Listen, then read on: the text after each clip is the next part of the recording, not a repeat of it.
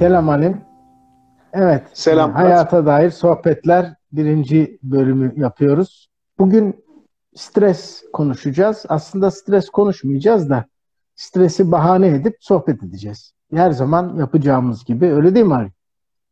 E doğru. Stres bahane, sohbet şahane. Evet. E, ben bir girizgah yapayım istiyorsan. Her zamanki Lütfen. paslaşmamızı yapalım onun üzerine. Şimdi niye stresi seçtik? E, bu jargondan konuşmayacağım. Öyle size pnömoni, pandemi falan demeyeceğim. Öztürkçe renkli, altyazısız bir konuşma yapacağız. Bir kere bir salgın yaşadık. Covid-19. Evlere kapandık. E, önceleri e, hem sosyal medyayı hem gazeteleri şunu bunu takip edenler için önceleri hem haber hem resim hem karikatür mahiyetinde şunlar çıktı. Ya özlemişiz, evde sohbeti özlemişiz, işte bir aradalığı özlemişiz. Ben şöyle karikatürler hatırlıyorum. Aa babamın gözleri de maviymiş, annemin saçları da sarıymış gibi. Çünkü çocuklar, ebeveynler hiç evde bir arada değiller. Ee, her zaman öyle değil midir? Hep elimizin altındaki şeyin kıymeti azdır. Ee, onun için e, böyle bir şey de düşünmeyip aynı çatı altında aşkımız bir yalanmış modeliyle yaşayıp gidiyorduk. Daha sonra eve kapanınca birkaç gün böyle geçti. Daha sonra hem evdeki kişisel alanlarımızın kısıtlanması hem e, belirli ve kısıtlı süreler bir arada olmaya alışmış insanların sürekli bir arada olması e, derken zaman içerisinde insanların birbirlerinin alanlarına e, ne diyelim girmeleri aile içi olduğu için alana tecavüz demeyelim ama alana girmeleri, bulaşmaları e, bir takım sıkıntılar yarattı. Dışarı çıkamamak ayrı bir sıkıntı yarattı. Belirsizlik ayrı bir sıkıntı yarattı. E, dolayısıyla bu hafta sonu çıkacağız mı, çıkmayacağız mı, uzatılacak mı, bayramda tatil mi yoksa bayramda da mı çıkmayacağız? Bu insanlarda bir endişe yarattı.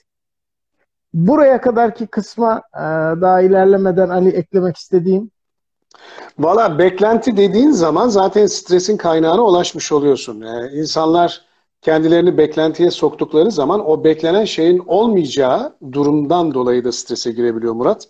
O yüzden beklentileri yüksek tutmak, stresi de yüksek tutmak demektir. Kısaca ekleme yapayım. Evet, beklenti çok önemli bir unsur. Tıpkı ekonomide olduğu gibi ileriki sohbetlerde oradan da bahsedeceğiz. Şimdi e, konunun adını stres dedik. Bir kere bunu bir açıklamak lazım ki bunun üzerine tartışmamızı ya da sohbetimizi ilerletelim. E, stres dediğimiz zaman kendi başına bir hastalık, bir yanlışlık gibi geliyor. Halbuki stres aslında fizikten gelen bir kavram. Bir gerilim, bir direnç kavramı ve gayet normal bir kavram. Doğru mu Halim? Doğru. Bana mühendis olduğum için topu attığını düşünüyorum. Evet. Ee, biz mühendisler zaten yüzde seksen stresle yaşıyoruz. Ee, ya satışta, pazarlamada, ya ürünün imalatında, ya dizaynında sürekli bir stresimiz var. O yüzden topu aldım, göğüsledim Murat'cığım. Evet, bir de e, fizikteki stres var, gerilim kuvveti var. Yani stres aslında başlı başına bir hastalık adı değil. Ya da stres kendisi bir bozukluk değil. Ee, ilk e, ve en yaygın kullanımı özellikle Vietnam Savaşı'ndan sonra post traumatic stress disorder diye yani travma sonrası stres bozukluğu diye geçiyor.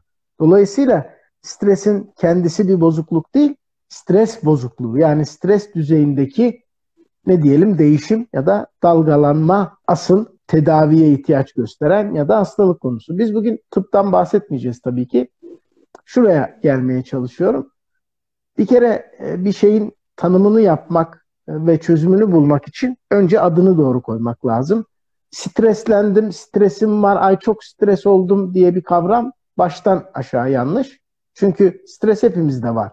Olmazsa belki dış dünyaya karşı nasıl vücudumuzun bir bağışıklık sistemi var, psikolojimizin de bir direnç sistemi var. Onun da bir parçası stres.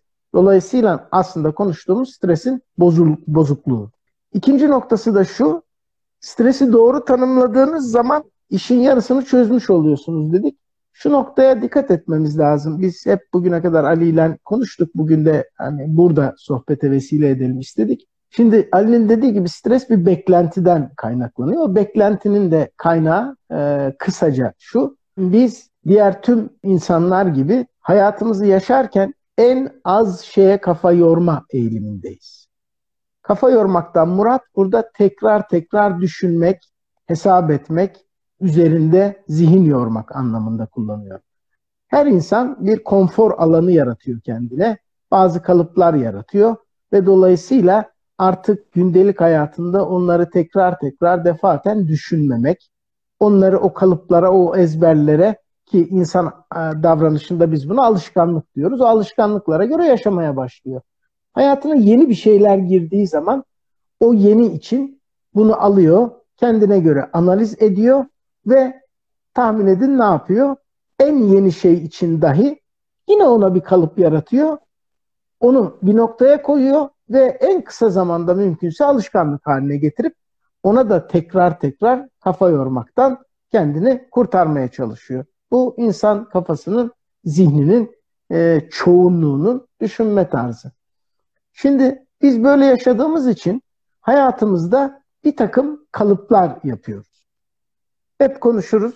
Norm, kural demek. Normalde kurala uygun demek. Biz kendimize göre normlar ve onlara göre normaller oluşturuyoruz. Bu normaller nedir? Hepimiz gündelik hayatımızda işe gidiş saatimiz, evden çıkış saatimiz, kullandığımız vasıta, kullandığımız yol, varış saatimiz hemen hemen birbirine çok yaklaşıktır aynı olmasa dahi. İşte aynı zamanda eşimiz çalışıyorsa onun çıkma saati, çocuk varsa onun servise binme ya da okula gitme saati. Yine işte yapılan şeyler, öğlen yeme, yenen yemekler, hatta yemeğin cinsi ve yeri ve sonra bunun dönüş kısımları, eve dönüş yolları, araçları, vasıtaları, saatleri, evde yenen yemek, biraz daha ileri gideyim hatta. Masada herkesin oturduğu yer, sofra dağıldıktan sonra herkesin rolü, salonda babanın, annenin, çocuğun koltuğu, her şey bir alışkanlık, bir rutinle gider. Ve bu rutin, e, Ali'nin biraz önce dediği gibi aslında bir de beklenti kaynağıdır. Ben sofrada oturacağım yerde ilişkin bir beklentim var. Televizyon kumandasının nerede olacağına ilişkin bir beklentim var. Sabah işe nasıl gideceğime ve kaçta varacağıma ilişkin bir beklentim var.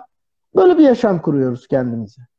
Bu normal dediklerimiz bir süre sonra ikinci evreye geçiyor ki Ali bunları daha da açacak. Rutin haline geliyor. O rutinler üçüncü bir evreye geçiyor. Status quo ya da Türkçe hızlı söylenişiyle statüko, statüs, statü, quo da değişmez. Yani değişmeyen bir hal, bir durum haline alıyor. Biz bunu normal diye kabul ediyoruz ve bunu yaşıyoruz.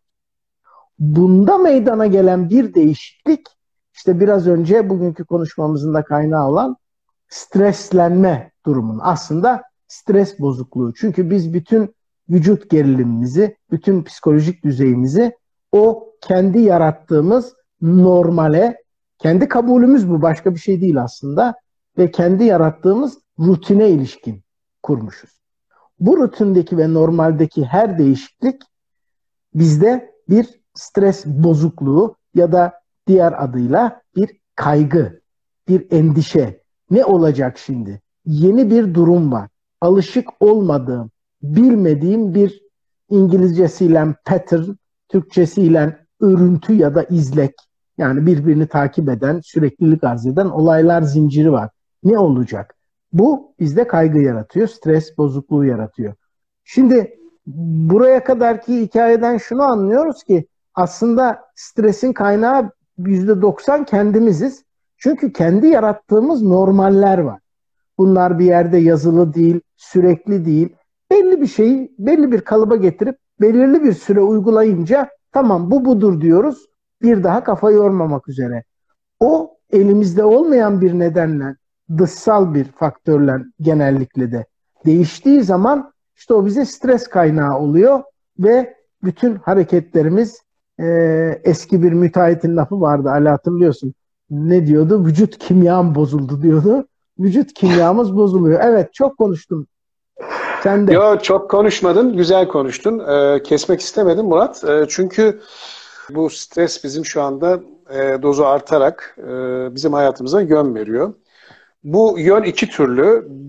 Bir yön bizi korumaya, tedbir almaya, e, diğer yönde bizi anksiyete dediğiniz bu dediğin e, endişe, şüphe e, içerisinde kaygı e, kaygı bunlar tabii ki e, psikolojik olarak da rahatsızlık yaratıyor. Şimdi aslında doğada e, bir kortizol diye bir e, vücut kimyası varsa e, demek ki bir streste olacak. Yani nasıl bir e, tatlı bir meyve var da ve biz dil reseptörleriyle tatlıyı tadabilecek dizayn edildiysek demek ki stres yaratılmış. Yani stres bir olgu.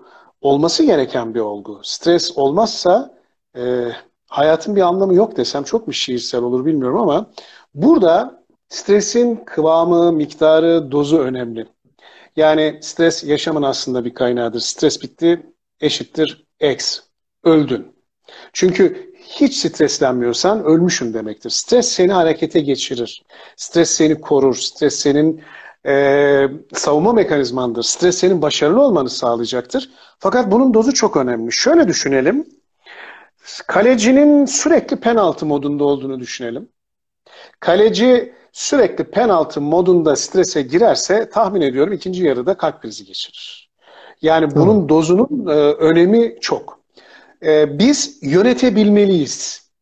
Yani stres yaratılmış, kortizol var dolayısıyla doğamızda programlanmış bir şey. Yani e, Yaradan diyor ki bize bak diyor ben senin kaygıların, endişelerin, hayal kırıklıkların ya da yüksek talep ettiğin şeyleri elde edememenin vermiş olduğu stresi sana aslında hormonal olarak yüklüyorum. Bak yüklüyorum ama bunu yönetecek olan senin bilişsel düzeyin, bilinç düzeyin. Nasıl yani?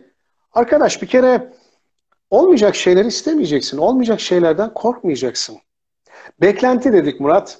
Beklentimizi kendi çapımızdan daha yüksek tutarsak, yani kendimize bakmadan Hasan Dağı'na oduna çıkarsak, bu stresi ömür boyu yaşarız. Çünkü kişinin kendini tanıması, kendi potansiyelini bilmesi, yap yapabilirliğini bilerek bir hedef koyması ve beklentiyi bu e, açıdan e, hayatına rengi noktası olarak koyması aslında güzel bir şey. Ama kendisinin yeterliklerinin, yetkinliklerinin dışında beklentiyi koyarsa ve bunun içinde bir çaba harcamayacaksa elbette ki bu beklenti onu strese sokacaktır ve boşu boşuna da onu yoracaktır. Yani vücut içerisindeki tahribat, bugün tabii ki tıp e, alemi bunları söylüyor, birçok tıp alemi diyor ki, e, yani bugün diyor kanserden daha kötü bir şey var, o da stresle yaşamak. Zaten diyor kanserin e, sonuç olarak kanseri burada görebilirsiniz. Böyle bir hayat sonuçta çıktı olarak senin önüne gelecek diyor. Stresle yaşamak dediği şeyin Murat bir de an itibariyle düşünebiliyor musun? Yani sayı olarak, zamansal olarak baktığın zaman günün, saniyen o kadar ağır gelir ki insana ve bir an önce kurtulmaya çalışırsın. Oradan kurtarırsın, başka bir stresin içine girersin. Çünkü insan zihin olarak negatif şablonlu bir varlık. Yani sürekli negatif şeyleri düşünüyoruz. Mesela eve çocuğumuz geç geldiğinde aklımıza ilk gelen şey başına bir şey mi geldi? veya istemediğimiz bir şey hemen gördüğümüzde mutlaka negatif şablonlarımız çalışır. Ve negatif şablonlarımız çalıştığı zaman da zaten hayatın getirmiş olduğu yükün üstüne biraz önce senin ifade ettiğin gibi kendi zihnimiz olur sana bir stres kaynağı. Peki nasıl yönetmeliyiz Murat? Bunu sen biraz açarsan iyi olur. Çünkü yönetmek dediğin şey e, senin Gerçekten e, bende etki uyandıran bir e, bilim konusudur. E, yönetmek, nasıl yönetmek, nasıl yönetmeliyiz? Kendimizi mi yöneteceğiz? Zihnimizi yönetmek demek kendimiz mi demeyiz? E, yani öyle bir e, eşliklik koyabilir miyiz ortaya? Yani ben zihnimi yönetiyorum, kendimi yönetiyorum mu algılayacağım? Yoksa zihnimi ayrı bir kefeye koyup, zihin bedenden ayrıdır. E, nitekim Kant'ın söylediği gibi yani diğer canlılardan seni ayıran şey zihindir diyor. Ama Hegel de diyor ki aslında diyor canlılardan seni ayıran şey diyor senin diyor o zihnini kullanabilme potansiyelin.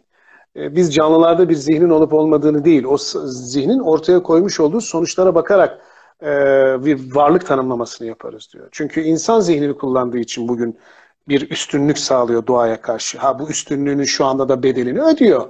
O ayrı bir konu. Zihni ayrı bir yere koyup, bedeni ayrı bir yere koyup, bedeni ve zihni ayrı ayrı mı yöneteceğim, ikisini birlikte mi yöneteceğim? Ee, bu konuda biraz açılma ihtiyacım var doğrusu. Kanser örneğinden yola çıkayım. Ee, çok güzel bir benzetme. Aslında inanılmaz şekilde stres ve kanser birbirine benziyor. Çünkü direnç, vücudun direncinin bir parçası stres senin de dediğin gibi. Ama dozu çok önemli. Kaleci örneğini verdin. Sürekli penaltı bekleyen kaleci gibi. Belki e, bayanlarda bir botoks etkisi yaratıyor olabilir. O kadar gerilme, yüzde bir gerilme oluyor olabilir. Tabii etki süresince güzel de sonra etki geçince sonuçları ne olur bilmiyorum. Şimdi kanserli benzerliği şurada biliyorsun kanser de aslında e, bağışıklık sistemine ilişkin bir şey. Vücudun belli hücreleri farklı tanıması, onlara saldırması, onlarla savaşmasıyla ilgili bir şey. E, ve bağışıklık sisteminin parçası. Ama yanlış ve farklı dozlarda olmasıyla ilgili. Stres de senin dediğin gibi vücudun bir parçası olması gereken bir şey ama dozu yanlış olduğu zaman ilk olarak da aslında belki de kansere yol açan bir şey. Çünkü kaygı ve endişe arttıkça vücudun bağışıklık sistemi ya da gavurcu adıyla immün sistemi çöküyor. Korona konuşurken de aynı şeyi konuştuk. İşte maske takacağız ama en az söylenen bir şey var.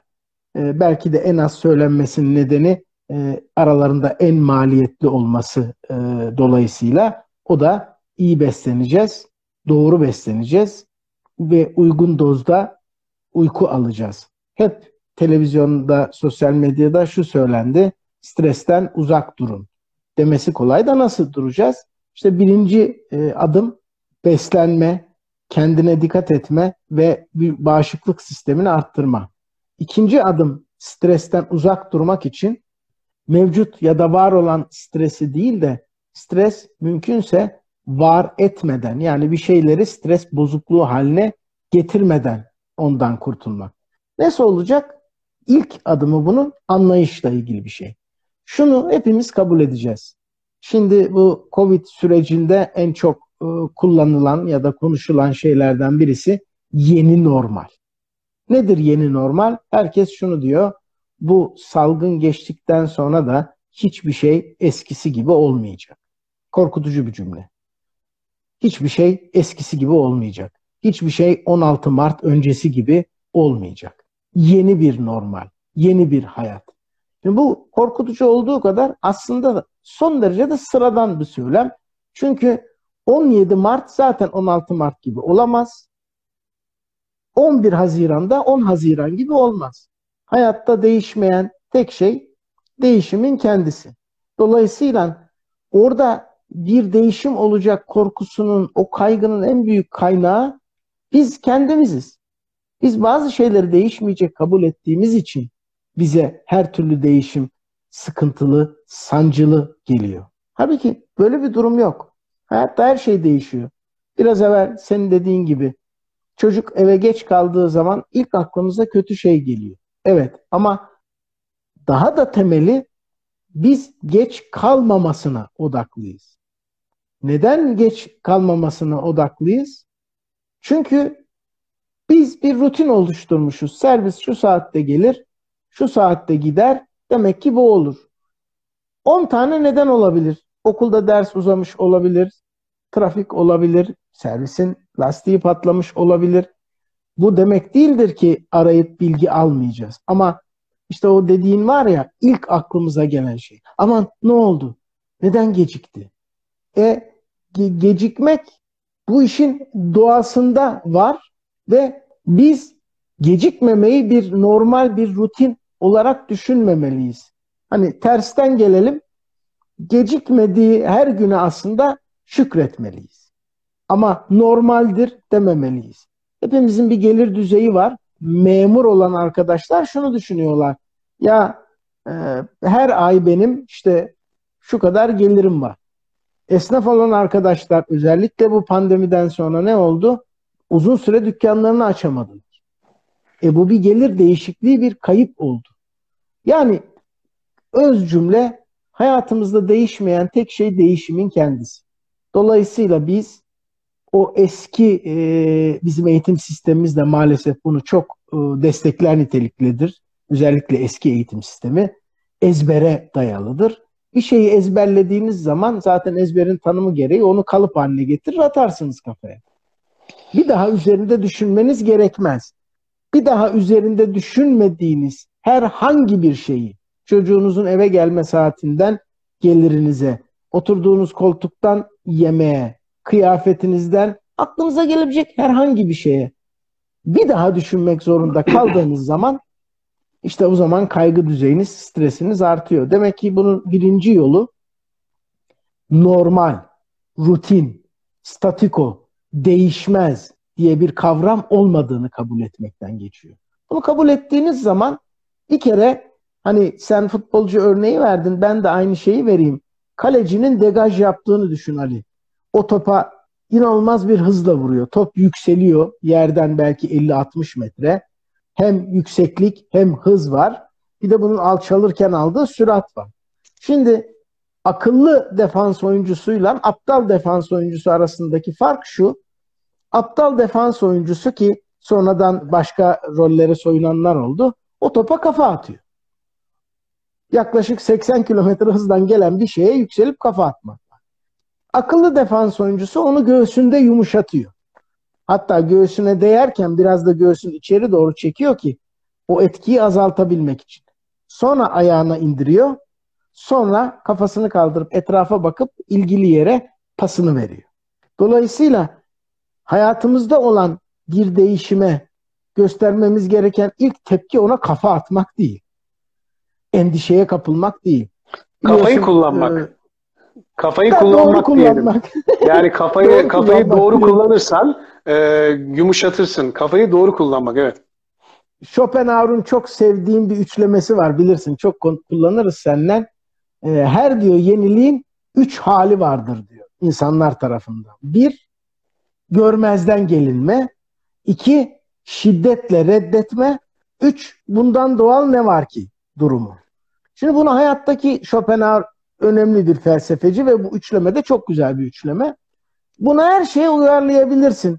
Oğlan babasısın, oğlan küpe taktı geldi bir. Görmezden gel keratayı. Bak şimdi bir laf edeceğim diye idare etme. İki, şiddetle reddetme. O şiddetin dozu babadan babaya değişiyor. Üç, belli bir süre sonra tabii belli acılar, küfürler, e, hırlaşmalar, şeyler sonra özellikle de dışarı karşı o, o stresi yaratan mahalle baskısına karşı ya bundan doğal ne var ki kocaman adam istediğini yapar delikanlı çocuk normal sayma hali. Neredeyse her yenilik bu üç aşamayla geliyor. Eğer bu üç aşamayı baştan biliyorsak hani direnmeyi bırakıp üçüncü aşamaya gelmeye bakmak lazım. E, zevk almasak da. Neyi konuşmak lazım? E, bu yenilik bir cep telefonu diye bir şey girdi hayatımıza. Ben bunu almayacağım. Tamam hani e, hayata karşı direnebilirsin. Ya da senin demin çok güzel dediğin gibi kafa atmak ve kafayı kullanmak ikisi de kafayla yapılan eylem. Cep telefonunu öyle ya da böyle kullanmak ikisi de insanın yaptığı eylem. Sen doğru kullanımını yaparsın. Tuvaletten direksiyona her yerde elinden düşürmezlik etmezsin. Doğru zamanda kullanırsın. Belirli zamanlarda elinden bırakırsın ve işine yarar. Dolayısıyla stresi yenmenin bu salgın döneminde yaşadığımızı ve daha sonra yaşayacağımızı yenmenin en önemli yolu şu. Bir, stres bir hastalık değildir. Stres bozukluğu diye bir şey vardır. İki, stresin ana kaynağı bizim normal ve değişmez kabul ettiğimiz şeylerdir. Ve maalesef hayatta değişmeyen neredeyse hiçbir şey yok. Biz kalıp yapıp ezberledikçe bu değişmezlerimiz arttıkça stresimiz artacak. Çünkü hayat bütün hızıyla devam ediyor. Ee, evet. Buraya sen katkını yap sonra tabii bunun bir de üçüncü aş- aşaması var. O da inanç ve tevekkül kısmı. Biraz da ondan bahsedelim. Kafayı kullanmakla kafa atmak arasındaki farkı şöyle izah etmek lazım stresle ilgili. Tepkisellik ve etkisellik bizim mizacımız da yani hamurumuz da aslında stresin önemli parametrelerinden birisi. Yani stresi ortaya koyan parametrelerden bir tanesi de bizim kendi ruh halimiz, yaratılışımız, mayamız. Fıtratımız. Şimdi A tipi fıtratımız. A tipi kişilik dediğimiz bizim yani çabuk tepkisel olabilen ve bu tepkiselliklerini e, kendi içinde önce patlatıp daha sonra dışarıya yansıtan, daha çok tepkileriyle kendini ifade eden, e, heyecanlı ve çabuk panikleyebilen e, insanların B tipi kişiliklere göre e, stresi e, yaşamaları ve bundan etkilenmeleri çok daha farklı. B tipi kişiliklerde ise belki stres onları çok fazla irite etmiyor ama B tipi kişiliklerde bazı şeyleri kaçırıyor. Şimdi ben bu A ile B arasındayım. Yani burada A ile B arasında bir harfte bulamıyorum işin doğrusu. Diyorum AB ki pozitif AB, diyelim. AB, AB pozitif diyelim. AB pozitif bir yapıya bürünmek zorundayız. Şimdi Aristo ne diyor? Hani biraz işin felsefesine kaçacağım. Çünkü ben stresi sadece bir e, yaşadığımız bugünkü bu stres bozukluğunun bizdeki ceryanları ve bunların etkileri ve hastalıklarından ziyade ya biz felsefemizi, hayat felsefemizi nasıl değiştirmeliyiz? Bakış açımızı, paradigmamızı, nasıl çanak antenlerimizi e, gerçekten ana kaynağı yani huzura nasıl birazcık çevirip o dalga boyuna ulaşmalıyız? Biraz bunun üzerine durmak istiyorum. Ben de diyorum ki aslında insan hangi tür kişilik olursa olsun, ister tepkisel, ister etkisel, heyecanlı, kolerik falan hiç fark etmez. Önemli olan şey şu, ya öleceğiz. Bu kadar basit. Yani öleceğiz, hepimiz ölümlüyüz. Sonsuza kadar yaşamayacağız ve hiçbir şey acı, keder, mutluluk, huzur, haz sonsuza kadar devam etmiyor. Her şey değişim içerisinde. Bir kere kafa yapımızı, kafayı kullanmak dediğim şey şu. Yani insanın iki tane organı var biliyorsun. İkisi de yuvarlak ve bu iki yuvarlak organdan hangisini daha çok kullanırsa o kadar çok başarılı olur diyorduk ya geçmişte Murat. Hani kafayı mı kullanalım, kaideyi mi kullanalım? Kardeşim kaideyi de kullanmayı öğreneceksin. Yeri geldiğin zaman oturacaksın, düşüneceksin, sakin olacaksın. O yuvarlak organı da kullanmayı bileceksin. Sürekli kafayı kullan, sürekli düşün, sürekli fikir üret, sürekli beyin fırtınası, sürekli bu konuda analitik düzen falan. Böyle bir hayat yaşanmaz. Böyle bir hayatın aslında sende yarattığı kaygı şudur. Ya bir gün bana bir şey olursa ne olur? İşte bu zaten senin başlı başında belandır, baş belandır. Ne yapmak lazım? Yapacağın şey şu. İnsanların yetinme duygusu denilen duyguları kör ettiler. İnsanların yetinebilme özelliklerini aldılar. Ceplerinden almadılar. Ben sana söyleyeyim. Yüreklerinden kopardılar ya. Ya arkadaş, şimdi bir insan 72 yaşına kadar Amerikan porsiyonunda katı malzeme tüketse 42,5 ton malzeme tüketebiliyor. Bu kadar. Amerikan porsiyonunda ortalama istatistiki insan ömrünü 72 yıl aldığımızda 72 yıllık bir süre içerisinde tükettiği katı malzemeyi toplasak bir yerde tartsak 42,5 ton. Buçuğu da var Murat. Bu 42,5 tonun sen 35 yaşında da tüketip gidebilirsin. 90 yaşına kadar da tüketebilirsin. Demek ki bizim yediğimiz şeyle ilgisi yok. Karnımızı doyurmakla ilgili derdimiz yok. Haz alma. Senin konuna giriyorum. Hani o sürekli beynin arkasında puf dediğimiz böyle bir bize mutluluk veren bir hormon var ya sen anlatacağın için çok girmiyorum. Biz bunun bağımlısı olduk. Bizim karnımız doyuyor.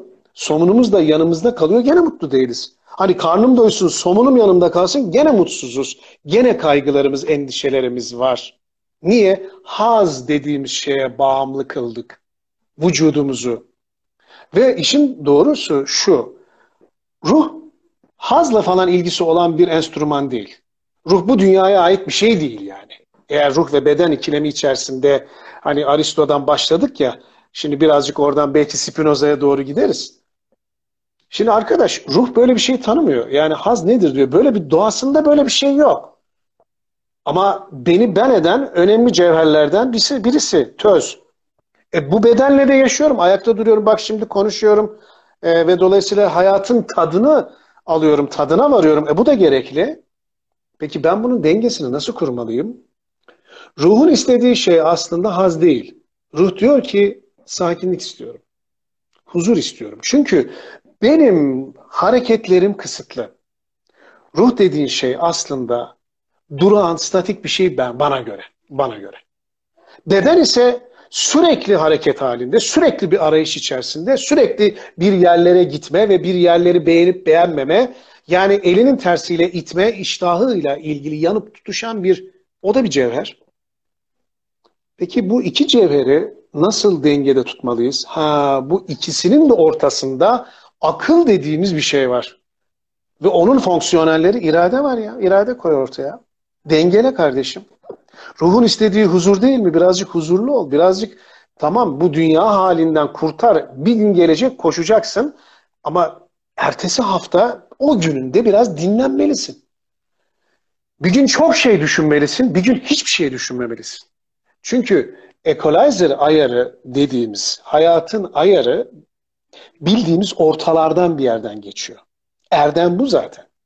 Erdem dediğin şey ılımlılık, denge. Adalet de oradan gelir. Yani Aristo'nun ruhunun üç hali dediği arzular ve istek, akıl ve irade. Şimdi bu üçünü dengeli hale getirirsen adalet olur diyor Aristo. Hatta e, biliyorsun bundan sonra da asıl Platon bununla ilgili olarak da devletin temel yapısını bunun üzerine kurgulamıştır. Ama Aristo'nun aslında ruhun üç halinden kaynaklanan bir şeydir bu. Dolayısıyla bu konuyla ilgili olarak bizim yapmak istediğimiz şey nedir kendimizde? Bir kere bu dengeyi nasıl sağlayabilmeliyiz? Benim bedenimin isteklerine cevap vermeliyim. Ölçüsünü bilmek zorundayım. Ölçüyü 42,5 tonda koyduğum gibi yani bu dünyada o kadar çok yesem bu kadar çok ancak 42,5 ton kadar tüketebilirim. Yani 45 ton tükettiğin zaman şefaatin artmıyor.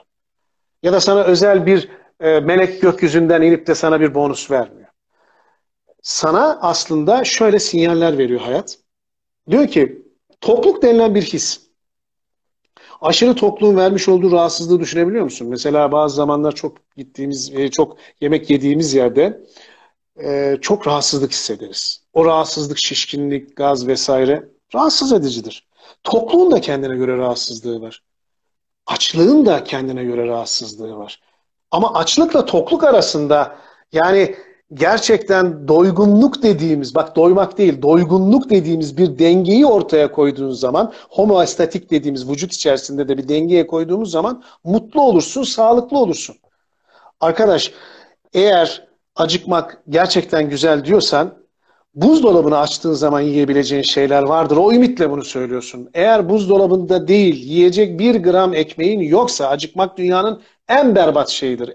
O yüzden acıkmak dediğin şeyin kaynağını oluşturabilmen için bu bedeni kullanmak zorundasın. Bu beden araç, üretecek, gezecek, konuşacak ve dolayısıyla senin aslında bu bedenin doymasını sağlayacak metiayı ortaya koyacak. Peki ruh ne yapacak?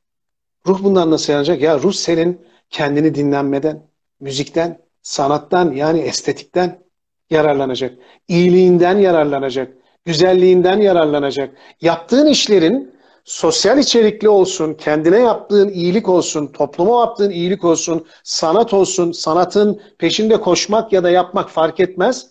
Senin ruhunun gıdalarını ortaya koyacak. O stres dediğin şeyi, equalizer'ı ortaya getirdiğin zaman tam dengede, itidalde yani dengede bulunduğu an itibariyle de sen daha rahat bir hayat yaşayacaksın. Daha meydan okuyacaksın düzene. Diyeceksin ki ey düzen sen benim bedenimi bir araç olarak kullanamazsın. Sen benim ruhumu da satın alamazsın. Yani bana manevi şeyler ortaya koyarak, bana manevi hikayeler ya da bazı e, zihnin ürettiği olmayacak şeylerle benim beynimin ruh kısmını işgal etmeyeceksin. Hikayeleştirmeyeceksin hayatı bana. Hayat üstü şeyleri, fizik üstü şeyleri bana hikayeleştirmeyeceksin. Bana hayatın kendi gerçeğinde gösterdiği şeyler, hikayeler yeter. Benim kendi maneviyatım ve kendi inancım, benim kendi doğam ve doğaüstü inançlarım benimle ilgili bir şey. Bu zaten benim ruhuma katkı sağlıyor. Boş ver sen geriden bana takviye etme. Bana zorlama yapma. Hani bana akıl verme değil ya, bana ruh dozu yapma. Bana akıl verme diye kendimiz hani bazen deriz ya bana akla ihtiyacım yok, paraya ihtiyacım var. Benim ruh dozuna ihtiyacım yok. Sen bana hayatta göremediğim şeyleri okuyamadığım satır altı bazı hayatın kendi içindeki e, dizeleri öğretebiliyorsan, gösterebiliyorsan hem maddi hem manevi bundan yararlanmamız lazım. Çünkü bugün hayatın temel kaynağı ilk yaratılıştan itibaren ne diyoruz? Bir bozulmaya doğru giden entropi yasası diyoruz. Tanrı'nın imzası. Entropi. Her şey düzensizlik ve dizgini bozma ve bozulma evresinde ama o bozulma evresine karşı mücadele eden kendi içerisindeki iç dinamikler bunun hızını azaltıyor. Yoksa şu anda entropiyi bir başıboş bıraksak zaten şu anda olmayacaktık. Atom denen bir şey de olmayacaktı.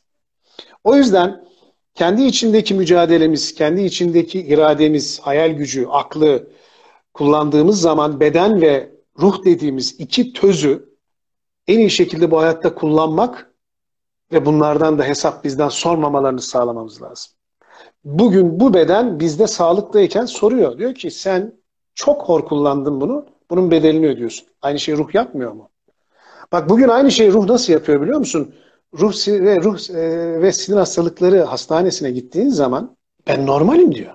Bu 1955 e, yılında Bakırköy Akıl Hastanesi'ndeki Rodin'in düşünen adam heykelini koyan Doktor Fahri e, soyadını aklıma getiremeyeceğim. E, yaptıktan sonra, yaptırdıktan sonra onun da biliyorsun hikayesi bayağı uzundu. Hemen yaptıramıyor çünkü. Bir e, oraya gelen bir yüzbaşı bir e, asker onu bitiriyor.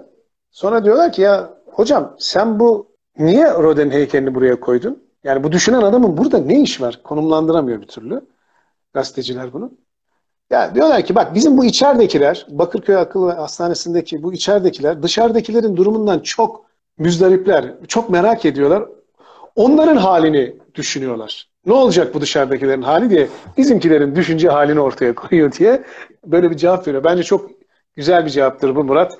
Ee, hayatın özü dengedir. Ee, entropiye doğru kendimizi hele şu pandemi döneminde ben şöyle söyleyeceğim. Ölüm korkusu dediğin korku pandemiyle geçmez. Epikür'ün söylediği gibi diyor ki ya ben yaşarken ölüm yoktur. Ölüm geldiğinde ben yok olacağım. Dolayısıyla bana hiçbir şekilde değmeyecek ki diyor bu Meret. Şu anda yaşıyorum, ölüm yok. Ölüm geldiğinde ben olmayacağım, e, buluşamayacağım yani bir şekilde korkacağım bir durum yok diyor. Dolayısıyla ölümden tabii ki ölüm gerçeğini göz ardı etmek için söylemiyorum. Ölümü e, yaşarken bilen tek varlık biziz. E, bu yüzden bize ağır hayat geliyor. Varoluşsal temel sorunlarımızdan birisi budur. Ölümü bilerek yaşamak. Doğduğun anda hemen anlamıyorsun ama daha sonra e, ölüm denen o gerçekte yaşıyorsun. Ama ölüm korkusuyla yaşayamazsın.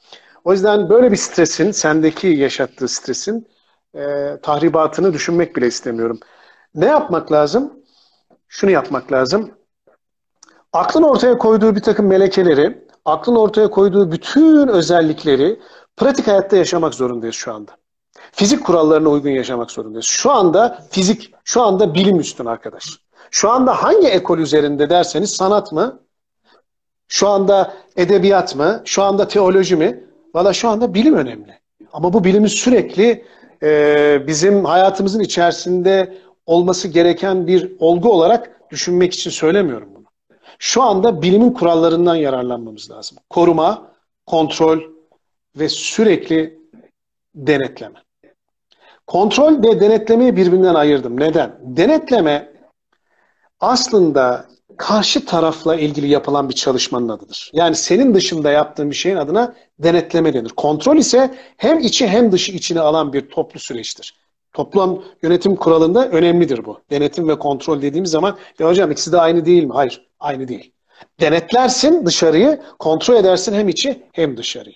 Dolayısıyla biz denetleyeceğiz. Bir buçuk metre mesafeyi geçen, yaklaşan kişiye diyeceğiz kardeşim bunu yapamazsın. Uzak durmalısın benden. Maskesi olmayana bunu diyeceğiz. Tabii bunu söylerken de Murat iletişimin estetik yanlarından yararlanmamız lazım. Yoksa o bizim maskemizle o kulağımızdan çıkarır ağzımıza sokarlar. Yani onu da söyleyeyim sana. Nefes alamaz hale getirirler. Çünkü insanlar şu anda yarı cinnetli geziyor. Hava sıcak ve dolayısıyla maskelerle beraber geziyor ve bunu almış durumda. Kontrol, denetim ve bir disiplin içerisinde bu menetin bize bulaşabileceği olasılığı da istatistik denilen bilimden de biz hangi olasılıklar içerisinde bunu kapabiliriz? Toplu taşıma aracında kapma olasılığımla benim herhangi bir yerde içtiğim çorbada tekim, orada ya da içtiğim bir kahveyi içtiğim yerdeki olasılık aynı mıdır gibi bilimin bütün enstrümanlarından yararlanarak bugün bilimi ön planda tutarak tabii ki sonuçta senin getireceğin noktayı da biliyorum bir tevekküle Ama önce bilimi önde ve daha sonra da bunu işin vekaletini yüce yaradana bırakarak hayatı daha az stresli yaşayacağımızı düşünüyorum. Evet yani tevekküle getireceğim derken ben kendi şahsım adına getireceğim ama herkes onu getirmek zorunda değil. Senin konuşmandan yola çıkarak arada bazı kavramlar üzerine giriş çıkışlar yapayım. Bir haz dedin. Ee, şu meşhur adını vermeyeyim dondurma reklamı. Ee, açık açık söylüyor. Dondurma peşindeysen diyor beni alma. Haz peşindeysen beni al diyor. Yani mutluluğu diyor çubuğun ucuna taktık diyor. Bunu sen yaladıkça hazla dolacaksın diyor. Yani süt, çikolata, lezzet falan değil haz. Hatta işte biliyorsun çok da komik videoları yapıldı. Onu ısırırken çıkartılan ses arkada salatalık ısırırken yapılıyor. İşte adam sete geliyor, dondurma mı yiyorsun, ee, insanlarla cilveleşiyor musun gibi. Ee, işte herkes bir tane bedava verirken o iki tane spor yarış arabası ya da işte Porsche benzeri şeyler veriyor gibi. Şimdi beklenti, haz bu iki kelime olduğu zaman üçüncü kelime otomatikman geliyor tabii kapitalizm. Ekonominin daha ileride konuşuruz. Ee, daha önce de konuştuk. En önemli yalanı ekonominin tarifinde gizli. Nedir o? İşte arz talep dengesi. Ee, ne kadar talep varsa o kadar arz. Ee, kapitalizm onu geçeli çok oldu. Biliyor ki talep eğer ihtiyaçtan doğarsa bu sınırlı bir taleptir. İnsanlar 42 ton, o da en şanslıları, en iyileri, 72 yıl yaşayabilenler harcıyorsa çarpı katı gıdanın şeyi bellidir.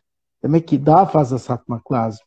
Yine aynı mantıkla bir insanın e, bedeninin büyümesi durduktan itibaren yani ortalama 20 yaşından sonra belki de bedeninin küçülmeye başladığı 65 yaşından sonraya kadar 10 tane kışlık 10 tane yazlık gömleği kaza bir şey olsa 10 tane de pantolon olsa idare eder.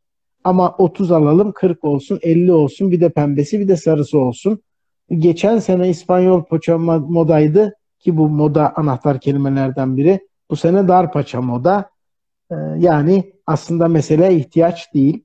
Ee, işte o ihtiyacı gidermek. Yani karnını doyurmak. Hatta bir adım ötesi keyif almaktan haz almaya geliyor. Dolayısıyla kapitalist model böyle çalışmak zorunda. Taleple arzlan değil, talebi bekleyecek vakti yok onun. Daha çok satabilmek için o arzı arttırmak zorunda. Arzı arttırmanın yolu da talebi arttırmak. Dolayısıyla ne yapıyor? İnsanlara beklenti satıyor. Bu markayı alırsanız toplum sizi şöyle addeder. Şu markayı alırsanız sosyal statünüz yükselir. Buraya giderseniz, şunu yerseniz, bu ürünü kullanırsanız daha ileri, daha yüksek, toplumda daha kabul edilen birileri olursunuz gibi bir pompalama. En sonunda işte haz satmaya başladılar ki onun teknik adı da hedonizmdir, haz avcılığıdır. E artık onu satıyorlar. Çünkü istekler, şey, ihtiyaçlar karşılanabilir. Dünyadaki kaynaklarla dünyada mevcut olan insanların ihtiyaçları kat be kat karşılanabilir. Ama arzu ve istekleri karşılanamaz. Çünkü ihtiyacın bir fiziksel sınırı vardır. Biraz daha yüksek olmakla beraber bir de ruhsal sınırı vardır. Ama istek ve arzunun, hazzın, tutkunun sınırı yoktur. Sürekli pompalanabilir. Sürekli kendini yani sen sofraya oturduğunda Ali ve Murat yemek yerken Murat doyana kadar yemek yer. ihtiyacı budur. Murat Ali'den çok yiyeceğim diye bir şeye girdiyse artık o ihtiyaç değildir, tutkudur, hırstır. Bunu ne kadar da mantıksız bir şeydir. Bunu karşılayamazsın. Bize satılan şey budur, haz almak.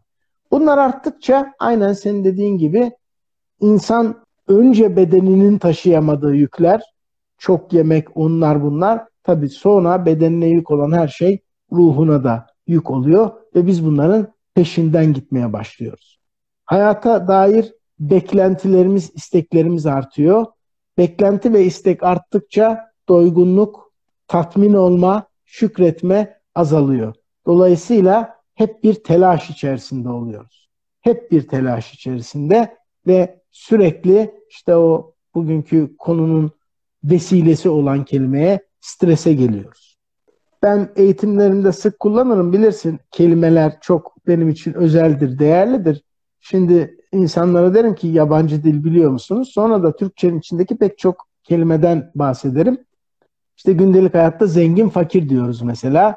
Zengin Farsça, fakir Arapça. FKR kökünden geliyor. Fukara e, gibi. Bak. Zenginde zeng evet. Omurgası kırık. Evet. Omurgası zenginin kırık tersi Farsça'da önce fakiri söyleyeyim daha da komik çünkü. Fakirin Arapçadaki tersi gani. Zıt anlamlısı. Aslında kullanıyoruz. Allah gani gani rahmet versin. Gani rahmet Bolluk demek. Bol demek. Anlamda. Zenginin de tersi derviş. Onu da kullanıyoruz ama o anlamda kullanmıyoruz. Şimdi dervişin çok e, özel bir niteliği var şu anda mevzu etmemin. Biz diyoruz ki dervişler mal edinmez. Ya da derviş fakirdir diyoruz. Derviş aslında fakir değil. Ya da dervişin mal edinmemesinin bir e, teolojik, bir felsefi, inançsal sebebi var. Derviş olayı şöyle addediyor. Diyor ki bugün varsa bugün yerim, yarına Allah kerim. Allah kerim. Şimdi bu felsefenin özü şu. Bugün bulduğumu bugün yerim, yarın Allah bana verir. Bu bir inanç meselesi. Yani ben doğru işler yaparsam, salih amel güdersem ben rızkımı Allah benim eksik etmez.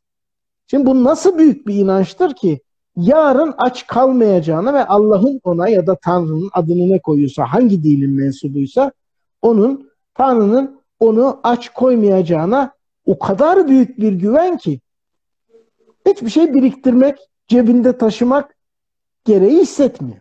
Yoksa işte o bize anlatılan hikayelerde derviş çok uzun yol yürüdüğü için heybesini hafif tutuyor. Hayır efendim.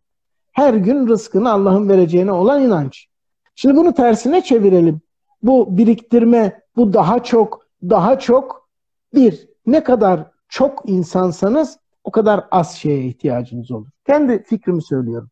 Ne kadar az insansanız o kadar çok şeye ihtiyacınız olur.